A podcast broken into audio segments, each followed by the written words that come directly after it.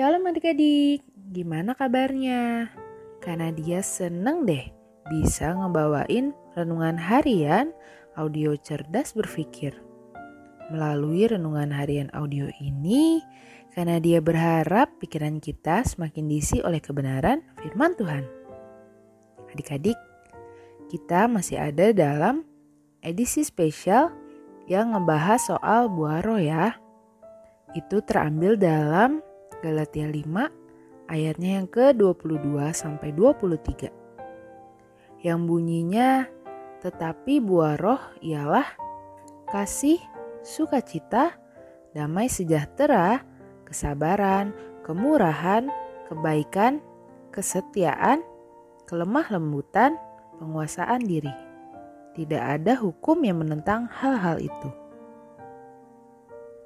Ada yang perlu karena dia ulangi dan tegaskan nih. Buah roh itu maksudnya adalah hasil dari menuruti tuntunan Roh Kudus melalui firman Tuhan. Orang yang berusaha menuruti tuntunan Roh Kudus melalui firman Tuhan pasti memiliki kedelapan karakter yang ada dalam bacaan Alkitab kita tadi. Nah, hari ini karena dia mau ngebahas soal karakter kebaikan. So, let's check it. Adik-adik, kalau kita baca Alkitab versi bahasa Indonesia sehari-harinya, kata kebaikan dalam ayat itu adalah baik terhadap orang lain. Ini sih udah cukup jelas ya. Ya, memang kita harus baik sama semua orang. Dan Alkitab mengajarkan gitu kok. Banyak banget ajaran dalam Alkitab, baik dalam Perjanjian Lama maupun Perjanjian Baru, yang intinya adalah memerintah memerintahkan kita untuk baik sama orang lain. Rasul Paulus bilang gini nih dalam Efesus 2 ayatnya yang ke-10. Karena kita ini buatan Allah, diciptakan dalam Kristus Yesus untuk melakukan pekerjaan baik yang dipersiapkan Allah sebelumnya. Ia mau supaya kita hidup di dalamnya. Sebenarnya ya, orang yang bukan Kristen bisa berbuat baik juga loh. Bahkan gak sedikit kan orang yang baik padahal bukan Kristen. Jadi kita jangan berpikir, aku gak mau temenan sama dia, dia bukan orang Kristen. Orang yang bukan Kristen juga bisa berbuat, berbuat baik. Sebenarnya Tuhan memberikan hati nurani kepada semua manusia supaya bisa berbuat baik. Apa pun keyakinannya, percaya kepada Tuhan atau enggak.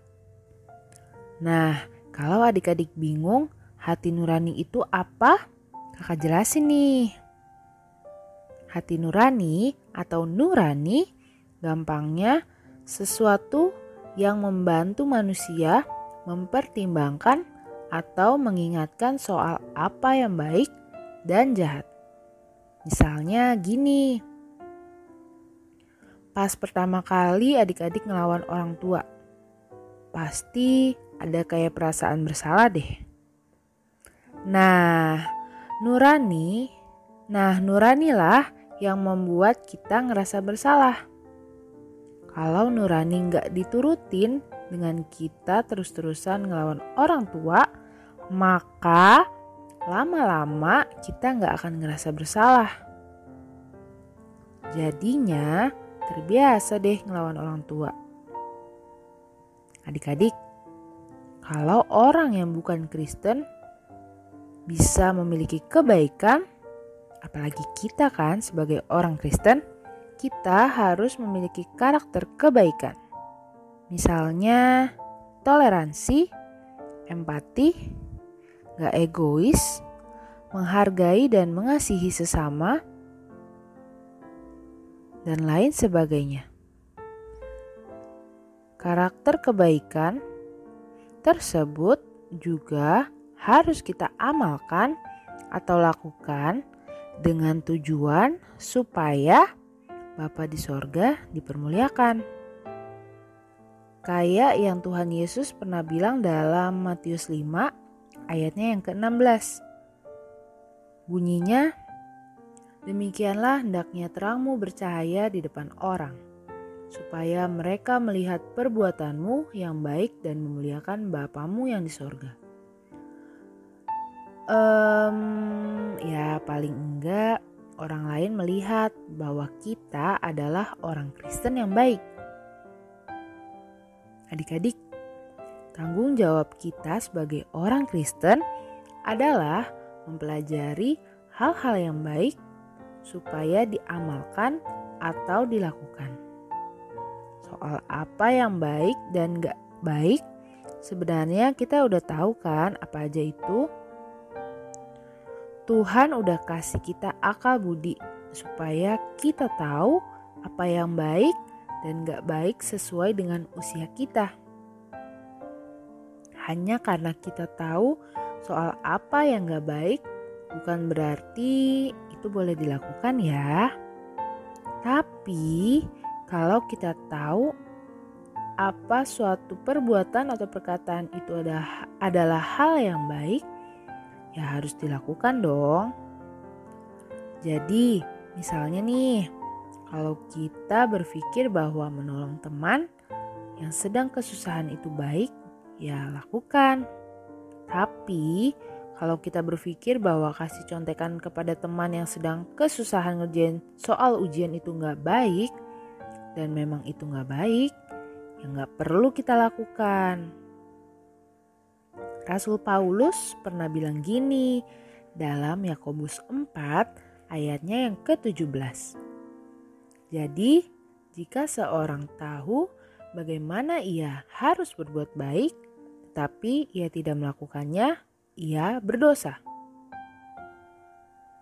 Jadi, ayo kita sama-sama belajar memiliki karakter kebaikan supaya kita lakukan. Yuk, kita berdoa.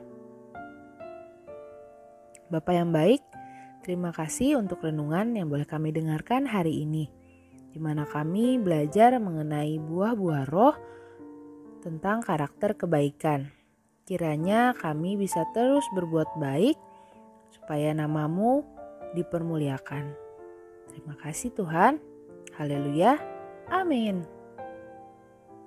Oke adik-adik, tetap sehat tetap semangat, tetap jadi berkat. Tuhan Yesus memberkati. Dadah!